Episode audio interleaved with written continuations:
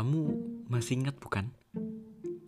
Waktu itu kita terpleset di lumpur lapangan bola saat bermain hujan, berlari kencang dikejar anjing beringas tetangga, jatuh dari pohon waktu mengambil buah mangga, hingga tergelincir saat bersepeda, dan kamu menangis menyadari kuku jari manismu terlepas. Oh, aku yang rindu. Rasanya ingin sekali kembali ke masa itu. Kembali merengek kepada ibu untuk setiap hal kecil yang tak mampu ya beli. Dasar anak kecil tak tahu malu.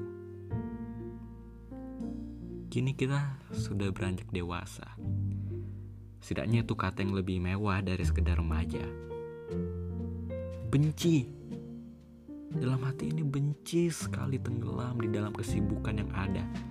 Lalu berteriak sekencang-kencangnya di balik bantal dan duduk menangis di kloset kamar mandi.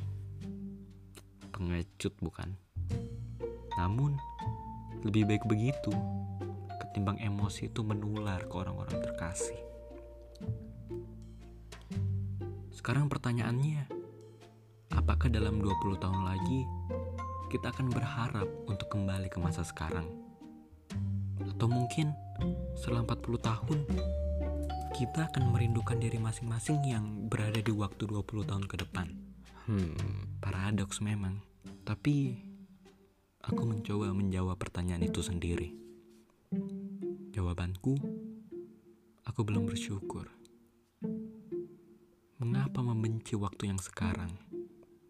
Padahal Mungkin dalam 20 tahun ke depan, aku akan merindukan masa-masa keremajaan ini. Di waktu-waktu yang diisi perdebatan hingga pertengkaran, mengikuti bahkan memimpin suatu organisasi, mencoba berani berbicara di depan kelas, hingga berhasil membawakan suatu acara yang dihadiri ribuan orang. Saat kecil pun, aku kurang mensyukuri waktu yang begitu luang tak punya beban, serta mendapat kasih sayang semua orang kepadaku.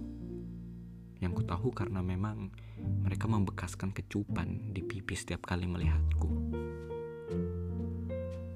Walau dalam 20 tahun ke depan pun, syukur akan tetap menjadi jawabanku. Itu waktu di mana aku dan kamu akan lebih dewasa dalam berpikir, bertingkah dan mengatur diri. Bahkan mungkin siap membangun sebuah istana keluarga.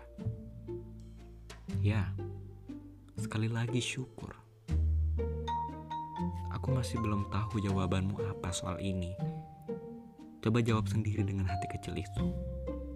Untuk itu, mari kita bernostalgia bersama.